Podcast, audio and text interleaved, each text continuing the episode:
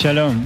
אה, תשמע, אורי, לפני הפרק חשבתי על מה נדבר, גם דיברתי איתך פה לפני השידור, ואמרתי, מה כלכלה אנחנו, ומה הנושאים העיקריים ש, שצריך לדבר עכשיו? אמרתי, דולר, אה, אה, ריבית, תקציב, בורסה, חברות, הייטק, על מה? ואז הגעתי למסקנה שעל הכל.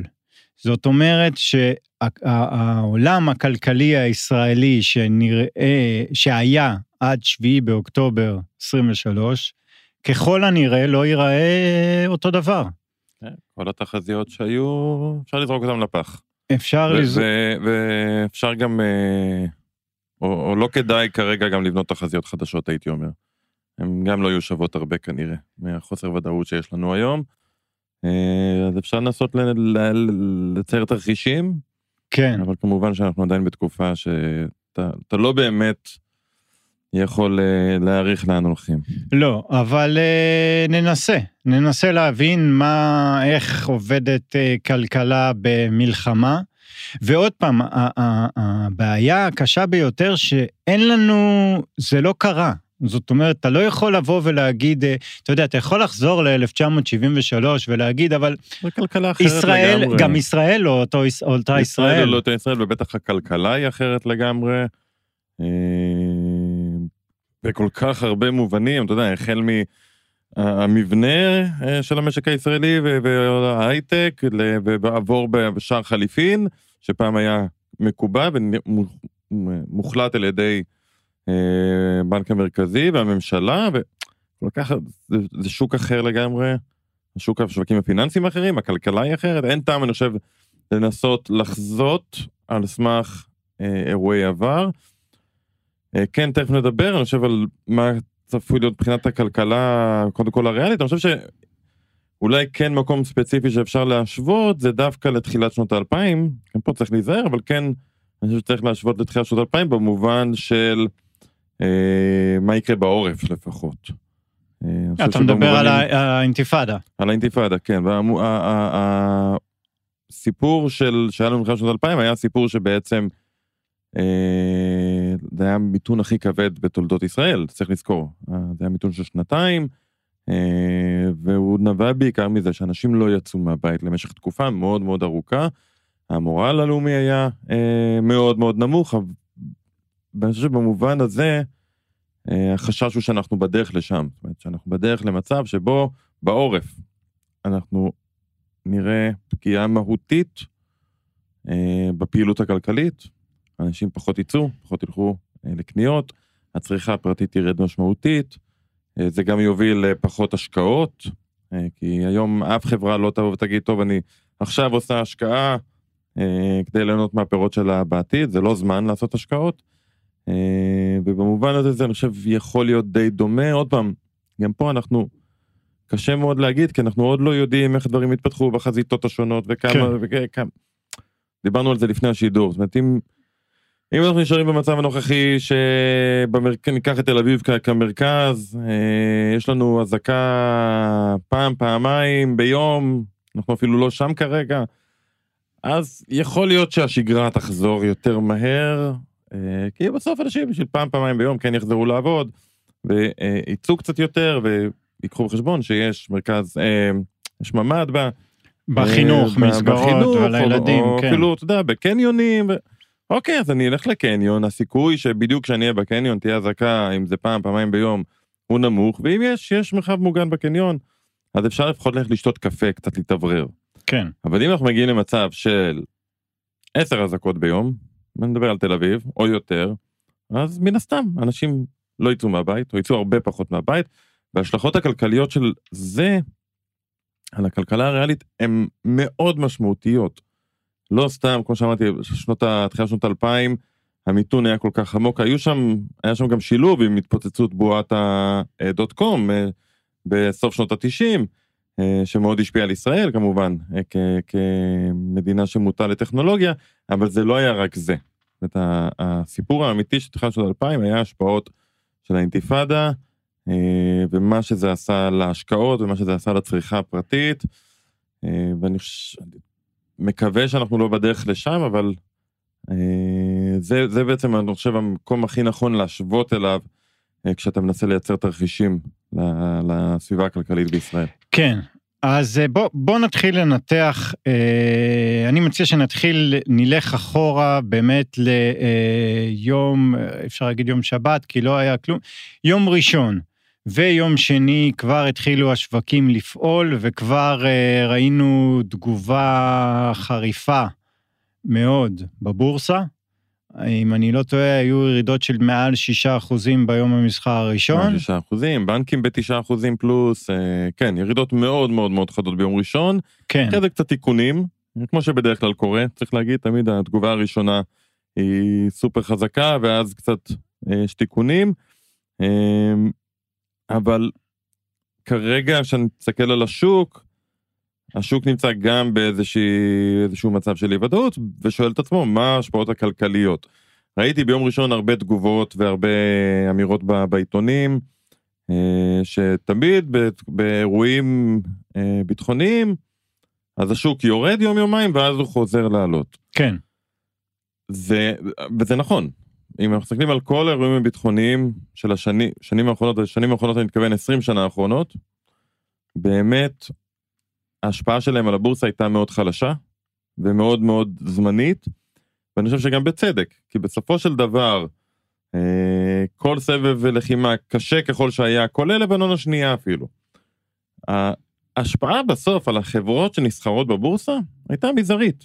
את הפעילות הכלכלית בישראל לא מאוד נפגעה, גם כשהיו סבבי לחימה בדרום, גם כשהיה לנו לבנון השנייה, אז נכון, חלק גדול מהמדינה, הצפון, היה מושבת לרבעון אה, וקצת, אבל אחרי זה הפעילות הכלכלית חזרה.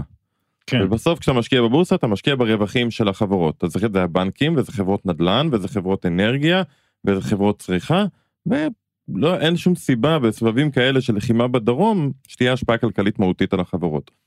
אבל זה מאוד שונה אם אנחנו באמת בתרחיש שדומה לתרחיש של תחילת שנות האלפיים במצב שבו אנשים יוצאים הרבה פחות, מוציאים הרבה פחות כסף ופירמות משקיעות הרבה פחות, כי אז יש השפעה כלכלית מהותית, ואז באמת זה פוגע ברווחיות החברות. והיום אני חושב שהשווקים או המשקיעים לא, עדיין לא החליטו לפחות אה, לאן זה הולך, אה, בצדק, אנחנו בתקופה של המון אי ודאות, אה, ולכן ראינו את הירידות החדות ביום ראשון, עליות חלק מהימים לאחר מכן, ואני חושב שהשוק כרגע מחכה בעיקר להבין לאן הדברים הולכים. כן, אבל היו גם, מעבר לבורסה, היו גם עוד תגובות, והתגובה, אחת התגובות אה, שכולם חיכו זה הדולר, ואכן היה זינוק אה, בדולר, אבל אה, בנק ישראל היה, אתה יודע מה? אה, אני, אה, אה, אני לא חושב שמישהו יכול לתת לו, אה, בוא, בוא נסביר קודם מה, מה קרה. בנק ישראל עשה מהלך שהוא לא עשה כמה, 30-40 שנה, אני לא יודע. מעולם לא. אה, מעולם לא. מעולם לא. אוקיי. לימד כששער החליפין היה מה שנקרא נייח, שבנק ישראל קבע את שער החליפין, ועשה כן. את זה על ידי קנייה ומכירה של דולרים כדי לקבע אותו. בנק ישראל אה, הודיע שהוא ימכור דולרים כדי לחזק את השקל. אה, והוא הכין בעצם תוכנית של אני יכול לקנות, למכור דולרים עד 30 מיליארד דולר מתוך הרזרבות שיש. אחרי דיברנו פה בכל החודשים האחרונים כשהדולר עלה ועלה ועלה, כן. על זה שאני אמרתי בנק ישראל כנראה לא יתערב בשוק המטח אלא אם כן יהיה מקרה חירום. אז היה מקרה חירום והוא כן מתערב בשוק המטח אה, והתוכנית היא בעצם רגע, לפני, לפני כן, למה זה, אה, למה זה אירוע שהוא שונה מ... אה, הרי בנק ישראל לא פעם ראשונה שהוא מתערב בשוק המטח, לאורך השנים הוא רכש הרבה דולרים במת... במטרה להחליש את השקל. למה זה כזה שונה בכיוון השני אנחנו? כי ההבדל הגדול הוא שבשביל להחליש את השקל, בשביל לחזק את הדולר, אתה בעצם מדפיס שקלים וקונה דולרים. כשאתה עושה את זה, יש לך בעצם תחמושת אינסופית, זו לא המילה אולי נכונה היום. נכון. אבל יש לך אין סוף שקלים שאתה יכול להדפיס, ואז אתה יכול לקנות כמה דולרים שאתה רוצה, עקרונית. כמובן שככל שתדפיס יותר שקלים יהיו לחצים אינפלציוניים, אבל בזמנו זה אף פעם לא אה, הדאיג את בנק ישראל, כי האינפלציה פה הייתה נמוכה במשך שנים. את ההפוך, את התהליך ההפוך, אתה לא יכול לעשות בצורה אינסופית, כי אתה בעצם מוכר דולרים ואין לך כמות אינסופית של דולרים, אתה לא מדפיס דולרים, יש לך רזרבות מטח, ואתה יכול להשתמש בהם כדי למכור דולר ולקנות שקלים, כדי לחזק את השקל, אבל ככל שאתה עושה את זה יותר ויותר, רזרבות המטח הולכות וקטנות, ואז נשאר לך פחות בעצם אפשרות, ולא רק שנשאר לך פחות, ככל שהרזרבות יקטנו, גם היציבות הפיננסית שלך נתפסת כפחות טובה, וזה דווקא יכול להוביל לצד ההפוך, להיחלשות של השקל, כי ישראל פתאום נתפסת כמדינה פחות יציבה. אז לשמחתנו, בנק ישראל... והרזרבות מטח, אנחנו מדברים על מעל 200 מיליארד דולר? אז זהו, של ישראל, לשמחתנו, במשך הרבה הרבה שנים באמת בנתה רזרבות שהן מעל ומעבר בכמה וכמה ספרות למה שבאמת צריך, וזה נעשה כי בנק ישראל באמת פשוט כל הזמן קנה דולרים בשביל אה, להחליש את השקל, לעזור ליצואנים, אה, ולא הייתה לו מגבלה, אז הוא פשוט בנה ובנה ובנה, ויש לנו הרבה יותר רזרבות ממה שצריך. ולכן היום נוח לו להשתמש בזה, אה, והוא הודיע שהוא אה, בעצם שם בצד לתוכנית 30 מיליארד דולר, והוא בעצם התערב בשוק כל הזמן כדי לנסות ולשמור על השער החליפין ברמה סבירה.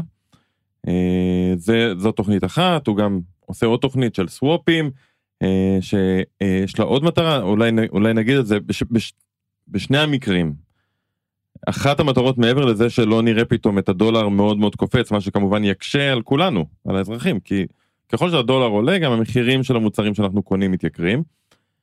הדבר השני שמדאיג את בנק ישראל זה שאם אנחנו נראה מצב שבו א', כסף יוצא מישראל החוצה, אם זה על ידי משקיעים זרים שמוכרים את ההשקעות שלהם וחוזרים הביתה, או על ידי ישראלים שפחות מעדיפים עכשיו להשקיע בחו"ל, ואנחנו נראה בעצם פגיעה בכלכלה, מה שעוד יותר יחליש את השקל.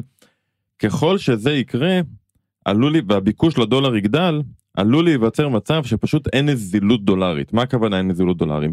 אם כולם רוצים לקנות דולרים, אז אתה תתקשר לבנק לאומי ותגיד לו אני רוצה לקנות איקס דולרים, והשני יעשה את זה גם, ובאיזשהו שלב לבנק לאומי גם אין לו כמות אינסופית של דולרים, נכון? אז יכול להיות מצב שבעצם קשה להשיג דולרים. לא רק שהדולר יקר, אלא שגם קשה להשיג. וזה מצב מאוד בעייתי, כי צריך לזכור שהפעילות השוטפת של המשק תלויה בדולר. אם אני יבואן של מזון, כן. ואני רוצה להביא מזון לארץ, אני קונה אותו בחו"ל בדולר. אם אני לא יכול כיבואן להמיר שקלים שיש לי לדולרים, אז בעצם אני עלול להיות במצב שבו הפעילות של המשק נפגעת. לא רק שהכל מתייקר והדולר עולה, גם הפעילות של המשק נפגעת. אז בנק ישראל בא ואמר, אני עושה בעצם שני דברים. אחד, אני דואג לזה שתהיה פה נזילות של דולרים. שלא נהיה במצב שמישהו לפעילות השוטפת צריך דולרים ואין לו, ושתיים, גם אנחנו נדאג לזה שהשער חליפין לא יטפס יותר מדי כתוצאה מהפחד שיש, אה, ורואים את זה במסחר, צריך להגיד, זאת התנודתיות של שער החליפין ירדה משמעותית לעומת מה שהיה לפני כן. יום שבת, אנחנו רואים שבנק ישראל מתערב כל יום, כאילו רואים בתחילת היום ככה פתאום ירידה קצת בשער חליפין, כן. אה, כי כנראה הוא עושה איזשהו מהלך חזק, ואז במהלך שער היום אה, הוא מתערב, ורואים תנודתיות מאוד מאוד נמוכה, כאילו מנסה לשמר איזשהו... שער. רק נגיד, היה, היה פיחות בשקל מאז תחילת המלחמה, אם אני לא טועה, אנחנו היינו ברמות של 3.85 אה, ועכשיו 3.95, זאת אומרת שהיה פיחות, רק שהרמה שאנחנו נמצאים עכשיו זה כבר יומיים שלושה. כן, צריך לזכור, גם בנק ישראל, הוא אומר את זה המון פעמים בכל מיני אירועים, הוא לא ינסה להתערב ולהביא את השער חליפין לרמה שהיא לא ריאלית.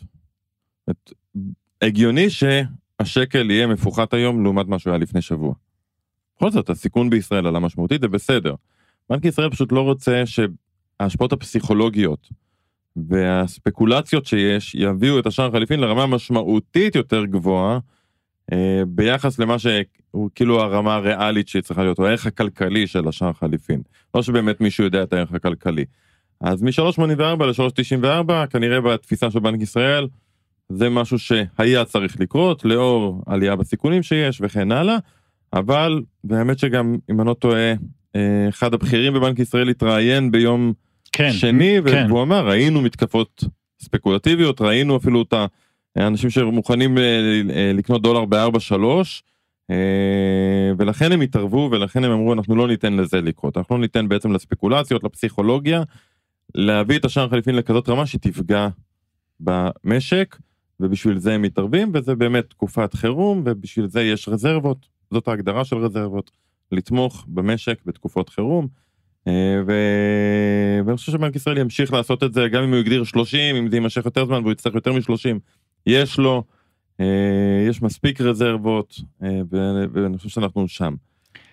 ושוב, אני חייב להגיד, זה גוף מוסדי, ואנחנו, אתה יודע, לא, לא נתחיל עכשיו עם ביקורת אה, אה, על גופים מוסדיים, כי יש המון, אבל זה גוף מוסדי שהגיב, והגיב מהר, ועשה משהו, ובחלק הזה אני מוריד את הכובע בפני בנק ישראל.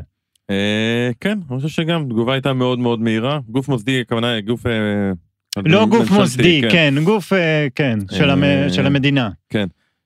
התגובה הייתה מאוד מהירה, גם מאוד נכונה וכירורגית, צריך להגיד. רגולטור נקרא לזה, כן. כן, אנחנו מתערבים במקום מאוד מאוד ספציפי, לא סתם בוא נשפוך כסף, בוא, אנחנו מבינים מה הסיכון. אגב, אחד הדברים שקרו ב, במשבר של תחילת שנות האלפיים, למה תכף נדבר על זה, זה, זה שהדולר קפץ ל-4.8 אה, והיה אובדן אמון. ופה בעצם בנק ישראל בא ואמר, בהיבט הזה אני סוגר את הפינה. עוד לא, אף אחד לא אמר שזה יצליח לעד, אבל כרגע זה עובד. אה, אבל, ואני רוצה לקחת את זה צעד קדימה, גם הפיחות מה-384 ל-394 שאנחנו נמצאים היום, צריך לזכור שהוא אינפלציוני. והוא אינפלציוני וזה אומר שאנחנו נראה מחירים של לא מעט מוצרים כנראה עולים מצד אחד, בגלל השער חליפין, מצד שני, סביר להניח שתהיה האטה משמעותית במשק, אנשים קונים פחות, יוצאים פחות, אה, וזה גם מוביל, זה, זה מהצד השני דפלציוני. אז עכשיו השאלה פה איפה האיזון. האם אנחנו נראה את האינפלציה בישראל עולה כתוצאה מהמצב שנכנסנו אליו, או יורדת? אה, ופה אני ראיתי לא מעט כותרות של כלכלנים שבאים ואומרים כאילו אל תפחדו מאינפלציה, אה, המשק הישראלי בדרך למיתון ומיתון הוא דפלציוני. להפך, ולכן גם הריבית לא תעלה יותר, להפך, היא אפילו כנראה תרד יותר מהר ממה שאתם חושבים. ועם האמירות האלה הייתי נזהר, ופה כן אני חושב כדאי לחזור למשבר של תחילת שנות האלפיים, כי מה שקרה אז, נכנסנו למשבר, המשק היה במיתון עמוק, אה, התחילה להיווצר אינפלציה כתוצאה מהפיחות של השקל, ובנק ישראל והאוצר עשו איזושהי ישיבה לילית, והגיעו להסכמה שהאוצר לא מגדיל, בנק ישראל רצה להעלות ריבית, כי האינפלציה הלכה ועלתה והלכה ועלתה. הוא צריך להעלות ריבית כדי לעצור את האינפלציה, זו העבודה שלו.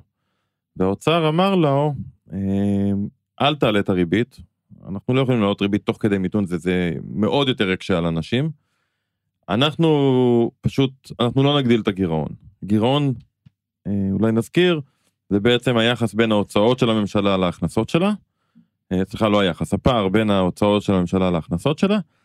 וככל שהמדינה מוציאה יותר כסף ביחס להכנסות, ככל שהגירעון גדל, בדרך כלל זה גם מייצר איזושהי אינפלציה.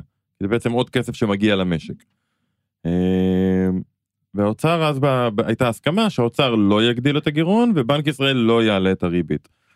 וכמו הרבה פעמים, מה שנקרא פוליטיקאים אוהבים להבטיח אבל לא מבטיחים שהם יקיימו. אז מי לא הבטיח האוצר? אז, אז האוצר לא הגדיל את הגירעון.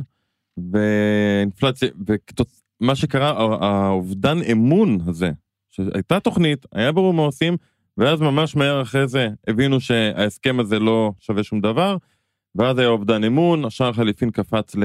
עכשיו 4-8 הגענו בשיא, עד כמה שאני זוכר, אה, ובנק ישראל נאלץ ביום אחד להעלות את הריבית בשני אחוזים כדי לעצור את ההתפרקות. אמון זה הדבר הכי חשוב ברמה המוניטרית, ברמה של אינפלציה, ריביות, שער חליפין, אמון זה הכלי הכי חזק שיש, ואז בנק ישראל נאלץ להעלות את הריבית בשני אחוזים ביום אחד. אז זה נכון שכשאתה מנתח מה שנקרא, בהינתן שכל השאר קבוע, אז כנראה שההשפעות של מיתון יהיו יותר חזקות מהשפעות של פיחות מ-3.85 ל-3.95. כן. ואם אני מנתח את זה ככה, אז כן, האינפלציה לא תעלה בעקבות זה, ובנק ישראל לא יצטרך להמשיך לעלות ריבית, הוא אולי אפילו יורד. אבל להגיד היום בהינתן שכל השאר קבוע, זו אמירה שפשוט לא שווה הרבה. אה, ולכן הייתי נזהר, אה, בטח מי שמתכנן קדימה, אם זה במשכנתה או בפקדונות, ורוצה לקבל איזושהי החלטה לגבי מה תהיה הריבית בעוד חצי שנה, עדיף לא, לא, עדיף אולי לא לקבל החלטה. אה, כי מאוד מאוד מאוד קשה לדעת, הדברים יכולים להתבדר מאוד מהר, וזה לא עובד כמו שבספרים בתקופות כאלו. רגע, אבל, אבל לגבי ה... דיברת קודם אה, באחד המשפטים הראשונים בפרק, שאפשר לזרוק את כל התחזיות שהיו עד עכשיו לפח. אז עכשיו מה שקורה בבנק ישראל זה שהם יושבים והם אומרים, אוקיי, בוא נבנה עכשיו תחזיות, ואין ברירה, בנק ישראל חייב לבנות איזושהי תחזית. מה, איך עובדת התחזית שלהם? הם, הם, הם, אה, מה זה- תחזית הריבית? מה תחזית ה... זה, זה מאוד, תראה, לבנות תחזית זה מאוד קל. אתה אומר בהינתן שכל הש... בהינתן שמה שהיום אני יודע יישאר באמת ולא יהיו הפתעות, ואז אתה מוסיף כוכבית למטה של סטיות תקן. את התחזית, אפשר להגיד, התחזית לצמיחה ב-2024 נגיד, כן, 23 כבר אין, אין יותר מדי שינוי. התחזית לצמיחה ב-2024 תעודכן כנראה משמעותית כלפי מטה, ואז אפשר להוסיף כוכבית של סטיית תקן של אחוז לכל כיוון, זאת אומרת זה יכול להיות הרבה יותר חמור או, או הרבה יותר טוב, ולהגיד זה בהינתן מה שאנחנו יודעים היום. אבל אני חושב שבסוף, עזוב את התחזיות, כי אם אתה חייב להוציא תחזית, תוציא אותה על סמך מה שאתה יודע. קשה לבנות תרחישים. אני חושב שבסוף בבנק ישראל בישיבות החשובות, בישיבות הפנימיות שלהם, בטח בישיבות של החלטות הריבית, שזה ישיבות של יומיים, שמנתחים הכל לעומק, אני חושב שבישיבות האלה הם יודעים שהם לא יודעים כרגע כלום לחודש, חודשיים, שלושה הקרובים, ולכן אני מאמין שהם ינסו אה, לעבוד בצורה של עקב לצד אגודל. בוא, בוא נעשה אה, ניצחונות קטנים, למשל, נחזיר אמון, נקבע את השער חליפין, לא ניתן לזה להתבדר, לא ניתן לספקולציות לגבי הריבית להשתולל. אה, ואני חושב שזה, וגם השיחות עם ה... מה, איך עושים את זה? מדברים עם המשקיעים בעיקר גם. מדברים עם משקיעים, עושים צעד כמו שנעשה אה, ביום אה, שני בשוק המטח. אם רואים פתאום משהו יברח, בינתיים תשואות האג"ח ב- ירדו, אבל אם פתאום כן. יראו שתשואות האג"ח קופצות כי האמון באוצר נשבר והגירעון, וראינו היום גם נתון של גירעון שעוד לפני הלחימה עלה לאחוז וחצי מהתוצר, כן. תכף נדבר על מה, מה צפוי להיות פה מבחינת גירעון, אבל סב, סביר מאוד להניח שהוא יגדל. אה, אם יהיה אובדן אמון לגבי הגירעון, צריך לזכור, גירעון, זאת אומרת לממשלה יש הוצאות, אבל היא מכניסה פחות כסף, זה המשמעות של גירעון. אז איך היא משלמת את ההוצאות שלה? צריך לשלם בסוף למורים או לקנייה של ציוד למלחמה. היא פשוט לוקחת הלוואה, לוקחת הלוואה זה מה שנקרא אגרות חוב. המדינה לוקחת הלוואה מהציבור כדי לממן את הלחימה, למשל. זה מה שנקרא אגרות חוב. עכשיו, אם יש לך המון אה, גירעון מאוד מאוד גדול, אתה צריך הרבה הרבה כסף, אתה, בעצם מה שאתה תעשה, אתה תנפיק הרבה אגרות חוב, אתה תיקח הלוואות על גבי הלוואות על גבי הלוואות. באיזשהו שלב, ציבור המשקיעים יכול לבוא ולהגיד, טוב, אני מוכן להלוות לכם כסף, אתם צריכים כל כך הרבה, אני רואה שהיחסי כוחות בינינו בשוק כבר לא מאוזנים, אז אני מוכן להלוות לכם, אבל בריבית הרבה יותר גבוהה ממה שאתם מציעים היום. כן. וזה מה שקורה לפעמים בשוק, שהתשואות בעצם על האג"ח פתאום קופצות. כי האנשים, המחירים יורדים והריביות עולות. ואם זה קורה, אז לממשלה הופך להיות יותר קשה לגייס כסף, אבל היא צריכה את הכסף כדי להילחם, אז נגיד, במצב כזה, בנק ישראל יכול לבוא ולהתערב בשוק האג"ח, כמו שהוא עשה בקורונה, או כמו שמדינות אחרות בעולם עושות מ-2008, מה שנקרא הרחבה כמותית. זאת אומרת, לרכוש אג"ח ולהוריד את הריביות? בדיוק, לעזור לממשלה שצריכה, זה מה שקרה בקורונה, שהיו צריכים בבת אחת 80 מיליארד שקל, כדי להוציא את התוכנית מהר במרץ 2020. בנק ישראל בא ואמר, אני אעזור, אני בעצם אקנה אגרות, ידפיס שקלים, יקנה בהם אגרות חוב בשוק, כדי שהממשלה תוכל לגייס כסף בריביות סבירות ולא בריביות מאוד מאוד גבוהות, כי אז אתה לאט לאט מאבד אמון שהיא בכלל תוכל להחזיר את הכסף הזה, אם הריבית שהיא צריכה לשלם היא מאוד גבוהה. אה, כמו שלמשל היה ביוון או באיטליה ב-2000 בתחילת העשור הקודם. אז יש, אני חושב שבנק ישראל יתמקדו אה, בעבודה מהסוג הזה. זאת אומרת, ללכת עקב בצד אגודל, יש המון אי ודאות, אין סתם, אין טעם סתם לתכנן מה תהיה הריבית בעוד חצי שנה. כן. אה, בוא נראה, השתלטנו על שוק המטח בינתיים, אם יהיה שם עוד משהו אז אני מניח שמכינים עוד תוכנית. אה, בוא נראה אם יהיה משהו בשוק הריביות, שוק האג"ח, אז יש לנו תוכנית מגירה גם לזה. אני חושב שככה צריך לעבוד בתקופות כאלה, ולא סתם לבנות תחזית לחצי שנה הקרובה, ואני מניח שגם זה מה שאנחנו נראה. אז בוא נלך לצד השני, שזה המדינה, שזה משרד האוצר, וזה התקציב. וגם פה אתה חושב שצריך לעבוד עקב בצד אגודל? זאת אומרת שיושבים עכשיו אה, אה, אה, באוצר, והם אומרים, כמה הדבר הזה עולה? כמה הדבר הזה עולה, וכמה הוא יעלה, וכמה כסף אני צריך בשביל זה. ואני מניח שאין להם תשובות, כי אי אפשר לדעת. כמה יעלה אה, לבנות יישוב חדש למפונים, או כמה יעלה עוד מימון למלחמה, או כמה כסף ארצות הברית תעניק לנו, וזה יקל. איך עושים את זה? צריך לבנות תקציב חדש? לא, לא צריך לבנות תקציב חדש, יש המצאה בישראל שנקראת אה, קופסאות חוץ תקציביות. המצאה מאוד נחמדה, אהה, שנועדה לתקופות חירום כמו זו, פשוט משתמשים בה גם לא, לא בתקופות של כזה חירום, כי כשיש, אה, כשיש אפשרות אז לוקחים אותה. והרעיון הוא בעצם, אה, זה, זה מאפשר לממשלה להוציא כסף אה, חוץ תקציבי. זאת אומרת, לא צריך, אם אני רוצה עכשיו יותר כסף כדי לקנות ציוד לצה"ל, אני לא צריך לקצץ מתקציב החינוך או מתקציב הבריאות או מתקציב הזה, לא. אני פשוט לוקח עוד כסף, מלווה עוד כסף, כמובן שזה אומר שצריך להגביר את אה, הנפקות האגרות האג"ח, כדי לקחת עוד הלוואות, ומוציא את הכסף הזה, וזה לא נרשם לי בתקציב שהכנתי לשנה, ולכן גם לא יירשם בגירעון אגב. זאת אומרת, זה, אם משתמשים יותר ויותר בקופסאות חוץ תקציביות, אז אתה לא תראה את זה בנתוני הגירעון, אתה כן תראה את זה בנתוני החוב, כי צריך את הכסף, צריך להלוות אותו בכל מקרה. אה, במובן הזה אני חושב שהממשלה צריכה לעבוד גם כמו בנק ישראל, זאת אומרת, כן, גם היא לא יודעת לאן דברים הולכים, וכן צריך לעבוד עקב בצד אגודל, ומה שצריך לעשות עושים, אבל אני חושב שבמובן הזה היא כן צריכה לעשות דברים גם קצת שונה מבנק ישראל, כי בסוף ברור שיצ... שיצטרכו הרבה כסף. זה- השאלה בדיוק כמה היא, היא לא ברורה, אה, אבל סבב לחימה ראיתי את ההערכות, אתה יודע, אני לא באמת יודע, אבל ההערכות זה שזה בין 200, 250 מיליון שקל ליום, אה, זהו? ליום, כן. כן. אוקיי. זה, זה מה שהיה בסבבים הקודמים בדרום, זה רק הדרום. אנחנו מדברים רק על הדרום. כן. זה רק הלחימה עצמה. כנראה שזה יותר, אולי עם כניסה קרקעית זה יהיה יותר, אנחנו לא יודעים עוד, עוד פעם. אובדן ימי עבודה, הכל? לא, לא, זה רק הלחימה. אה, אוקיי. בלי אובדן ימי עבודה, אוקיי. בלי פיצויים, בלי שום דבר. Mm. עכשיו זה צריך בשוטף, אתה צריך להוציא את הכסף הזה כל יום, לקנות תחמ... זאת אומרת, יש לך תחמושת, כן, הכל. הבנתי. אז זה עולה הרבה, אתה יודע שמתישהו תצטרך לשקם את כל האזור, אתה יודע שמתישהו תצטרך לתת פיצויים לכל כך הרבה עסקים. אה, אז אני חושב שבמובן הזה, זה לא חוכמה רק ללכת עקב בצד אגודל, אלא צריך להתחיל להכין את הקופה, מה שנקרא. לשים כסף בצד. ולשים כסף בצד זה קודם כל, שאת- כשאתה מגייס כסף אה, דרך אה, שוק האג"ח, אז תגייס יותר ממה שאתה צריך לחודשים הקרובים, כי אתה תצטרך את הכסף הזה בצד. ועוד פעם, גם פה צריך להגיד, ישראל מגיעה, ויש לנו מזל או שכל, כל אחד ש... שיקח את הצד שלו, שאנחנו באים עם יחס חוב תוצר נמוך, אנחנו באים עם מדיניות סך הכל אחראית של שנים, וישראל יכולה להגדיל את החוב שלה. לא יקרה כלום אם יחס כן. החוב תוצר יגדל ל-75 אחוזים. אנחנו באמת ברמה מאוד מאוד נמוכה. אז צריך, כל עוד אפשר, בטח אם בנק ישראל יעזור לממשלה לעשות את זה, לגייס הרבה כסף ולשים אותו בצד, כי נצטרך אותו. דבר שני, נחמד שיש קופסאות חוץ תקציביות, אבל יש גם תקציב.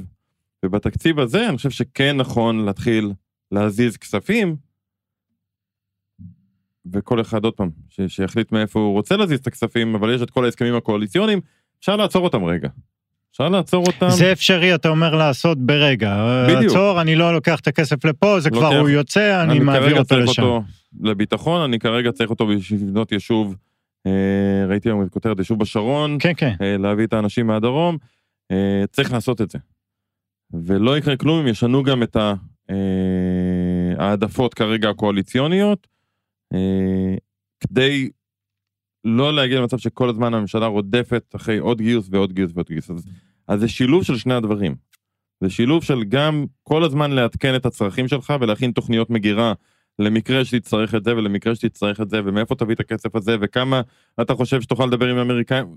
צריך להכין את כל תוכניות המגירה האפשריות, אבל גם צריך להתחיל באיזשהו קו מגמה של הגדלת הרזרבות בצורה משמעותית, אם זה כסף שמוסט מהתקציבים הנוכחיים לדברים אחרים, זאת אומרת פנים תקציבי, ואם זה על ידי גיוס עודף כדי שיהיו עודפים בצד. אוקיי, okay, um, אתה יודע מה, לפני, אנחנו נסיים את הפרק הזה בקצת, אה, אה, ננסה לדבר ו, ולהבין אחרי המלחמה, האם באמת אנחנו נתאושש, אבל, וההתאוששות הרי תגיע בצורה זו או אחרת, אבל לפני זה, אתה יודע מה, גם הייתה השפעה לא, לאירועים, אולי עכשיו היא טיפה דעכה, בעולם. זאת אומרת שאיך שפרצו האירועים, אנחנו ראינו תנודתיות יחסית חריפה גם אה, בנפט, בעיקר בשוק הנפט, בשוק הסחורות העולמי, וגם אה, אה, המדדים בוול סטריט, אמנם הם תיקנו ולא, אבל אי אפשר להתעלם מזה שהפכנו להיות גם אה, מרכז העולם הכלכלי. זאת אומרת, אין מישהו עכשיו, יש סוחר עכשיו שיושב בוול סטריט איפשהו, והוא בוחן איך הולכת המלחמה הזאת להשפיע על אה, תיק השקעות שלו. כן, לא הייתי נסחף להגיד מרכז העולם הכלכלי, אבל יש השפעה. יש השפעה לא בגלל ישראל, יש השפעה בגלל ההשלכות הגלובליות שיכולות להיות. אוקיי. Okay. למשל על הנפט, משקיעים בשוק הנפט אמרו, רגע, אם זה הולך ותהיה אסקלציה, אז מה זה אומר לגבי היחסים עם סעודיה, מה זה אומר לגבי ארצות הברית מול אופק, וכן הלאה וכן הלאה. זהו, זה רק התמחור של מה יהיה, כן, מה כן, ההשלכות כן, של... אה, לגמרי אם... תמחורים ספקולטיביים של בטח ביום הראשון, של לאן הדברים הולכים, ותמיד שיש במזרח התיכון התעוררות אה, גיאופוליטית, אז אתה רואה את הנפט עולה, בינתיים הוא קצת תיקן אבל זה חתיכת התעוררות, זה לא התעוררות... אה... אז, אז לכן גם ראית מהלך כל כך חד ב... בתחילת השבוע. אה, ואני חושב שכרגע זה קצת נרגע, כי עוד פעם, אחרי שעושים את ה...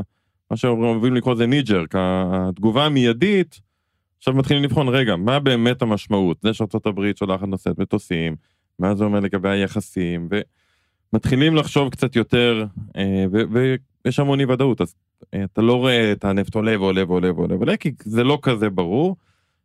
ראיתי מניות של חברות נשק בכל העולם, בארה"ב, באירופה, טסות אה, בתחילת השבוע. כן. אה, כי...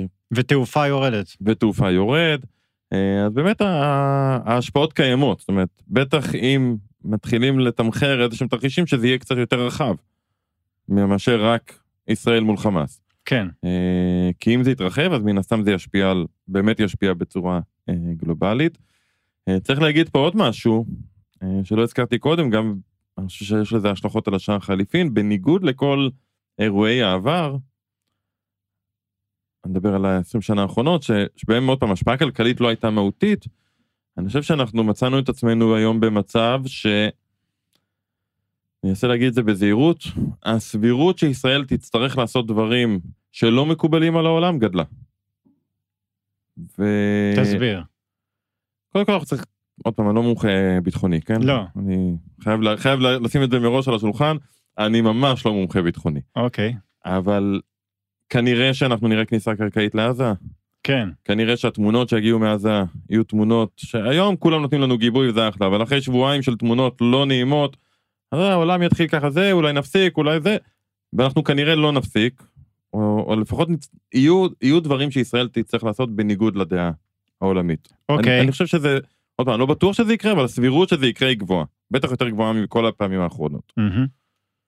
ולזה גם יכול להיות להיות השלכות מבחינת השקעות של זרים בישראל. זאת אומרת, אם ישראל באה ונכנסת לאיזשהו מצב של אחלה שהעולם אומר לי ככה, אין לי ברירה, יש פה מלחמה קיומית ואנחנו צריכים לעשות 1, 2, 3, 4, יכול להיות שאנחנו נראה למשך תקופה מסוימת ירידה בהשקעות של זרים בישראל, אולי חרמות ממקומות מסוימים, ויש פה עוד דברים שהם מורכבים, ועוד פעם, אני חושב שאם צריך לקבל החלטות, צריך לקבל החלטות. אני, אני לא מומחה ביטחוני שאף אחד לא יקשיב לי מבחינה ביטחונית, אבל זה עוד איזשהו גורם סיכון שצריך לקחת. כן. מבחינת השווקים הישראלים, מבחינת שער הדולר בעיקר. אה, ואם אני מסתכל על זה ברמה הגלובלית, אז גם פה יכולות להיות השלכות גיאופוליטיות. זאת אומרת, ארה"ב מול רוסיה, אה, סין, אלה כן תומכים, אלה לא תומכים, ויכול להיות פה עוד הרבה דברים ברמה הגיאופוליטית אה, בשבועות הקרובים, ש, שיהיו להם השלכות על השווקים בעולם, לא רק על השווקים כן, בישראל. רק עוד, עוד זווית, אה, אה, תחשוב על זה שתשומת הלב, אתה לא יכול להגיד שתשומת הלב העולמית היא לא פה עכשיו, עזוב מרכז הזה. תשומת הלב העולמית היא כרגע על הסכסוך הזה, והמלחמה נגיד באוקראינה, אה, יורדת מהכותרות, וגם לזה יכול להיות איזושהי השפעה על הכלכלה העולמית בכלל. אבל זה סתם מחשבה שעברה לי. כרגע בראש. אוקיי, אה, מה שכן רציתי לדבר איתך, ושוב, קשה לה, להשוות את זה לתקופות אה, אחרות, אה, יש קונספציה שאחרי מלחמה מגיעה גאות כלכלית. אה, זה תיאוריה, זה... לא, זה... לא, מציאות, אתה יודע, הכל, כשאומרים גאות כלכלית, תמיד הכל עניין יחסי. אחרי מלחמה אתה צריך לבנות, אתה צריך לבנות, אתה צריך כוח אדם, אז האבטלה יורדת, צריך, הבנייה עצמה מייצרת, מייצר תוצר חדש. צריך בעצם לבנות אה, את אה, עוטף עזה מחדש, או, או לבנות... או, או את הצבא, או, או לחמש. מחדש, אה... כן. אה, אבל גם בפעילות הכלכלית הריאלית האמיתית, ברגע ש... גם כשאתה יוצא ממלחמה אז הציבור חוזר לצרוך, ולא פעמים מפצה את עצמו, אה, אבל זה בעיקר הבנייה, הבנייה המחודשת, אתה יודע, זה גם אמירה ש... מסתכלים עליה, לא היו מלחמות הרבה שנים, אז צריך להגיד זה, גלובלית אני מדבר. אה, מלחמות מלחמות. אה, בעבר, כשהעולם היה יותר תעשייתי נקרא לזה, זה היה מאוד מאוד ברור. שאחרי מלחמה, בטח מלחמות כמו שהיו באירופה, אבל לא רק, שהיה צריך לבנות אז בנייה, הולכים ובונים ערים מחדש. כן. לבנות ערים מחדש, אתה מוציא המון המון כסף. אה, בדרך כלל כשממשלות עושות, הן גם עושות את זה ביוקר, אתה יודע. ממשלה זה לא הגוף הכי יעיל, ואז זה באמת מייצר גאות כלכלית. אה, בוא, בוא נחכה שנגיע לשם. אה, לא, תן לי להיאחז במשהו. אוקיי, אז... מותר לי להיאחז בזה? כן. תגיע גאות? תגיע גאות, ותקנה אולי, כשתרגיש שאנחנו לקראת הסוף, אולי תשקיע באיזה חברות מלט, או... מי שצריך לבנות את כל עוטף עזה מחדש. אסור לי להשקיע, אבל לא נורא. אוקיי. אה, אוקיי, האמת ש... זו לא המלצה, אולי נגיד... לא, לא, לא, זה לא המלצה, אנחנו לא, אין לנו קשר לחברות לא מלט, כן. בדיוק. אה, טוב, היום לא נעשה את הפינה בסוף, כי היא מרגישה לי מיותר. אתה יודע מה? דברים הכי מוטרפים נראים נורמליים לעומת השבוע האחרון. העיקר הוא המוטרף, אבל אתה יודע מה? תן לי לסיים בסיפור אופטימי. אה, שקרה לי ממש עכשיו שנכנסנו לשידור, אה, אישי. ההורים של אשתי הם אה, מתגוררים באשקלון. והם אנשים מבוגרים, וחיפשנו, אשתי חיפשה איפה לשכן אותם, פרסמה בפייסבוק, אם אפשר, אם יש למישהו רעיון, ו, וממש מישהי פנתה ואמרה, תקשיבו, אנחנו בחו"ל, איכשהו מצאנו את עצמנו בחו"ל, תיכנסו לדירה שלנו ברמת גן, אני גר ברמת גן, ממש ליד, תיכנסו חופשי, דירה חדשה, ממ"ד, הכל בחינם, אתם לא צריכים כלום. אמ, יותר מזה, הם לקחו את כל המפתחות איתם אה, אה, לחו"ל. אז היא הזמינה פורץ, פרץ, פרץ את הדלת, אה, היא אמרה, קחו אתם את המפתחות, כמה זמן שלא תרצו תישארו שם, ואתה יודע מה? זה עושה מדהים. טוב. כל מה שקורה פה בעם בימים האחרונים, פשוט מדהים. מדהים. המרכזי התנדבויות, הרצון של כולם, חיבור, אתה יודע, בסוף אה, לצערנו זה רק בתקופות כאלה רואים את זה, בטח אחרי השנה האחרונה, אבל אה, אין ספק. בדיוק. אז שיהיה שקט ורגוע, אמן, ונשתמע בשבוע הבא.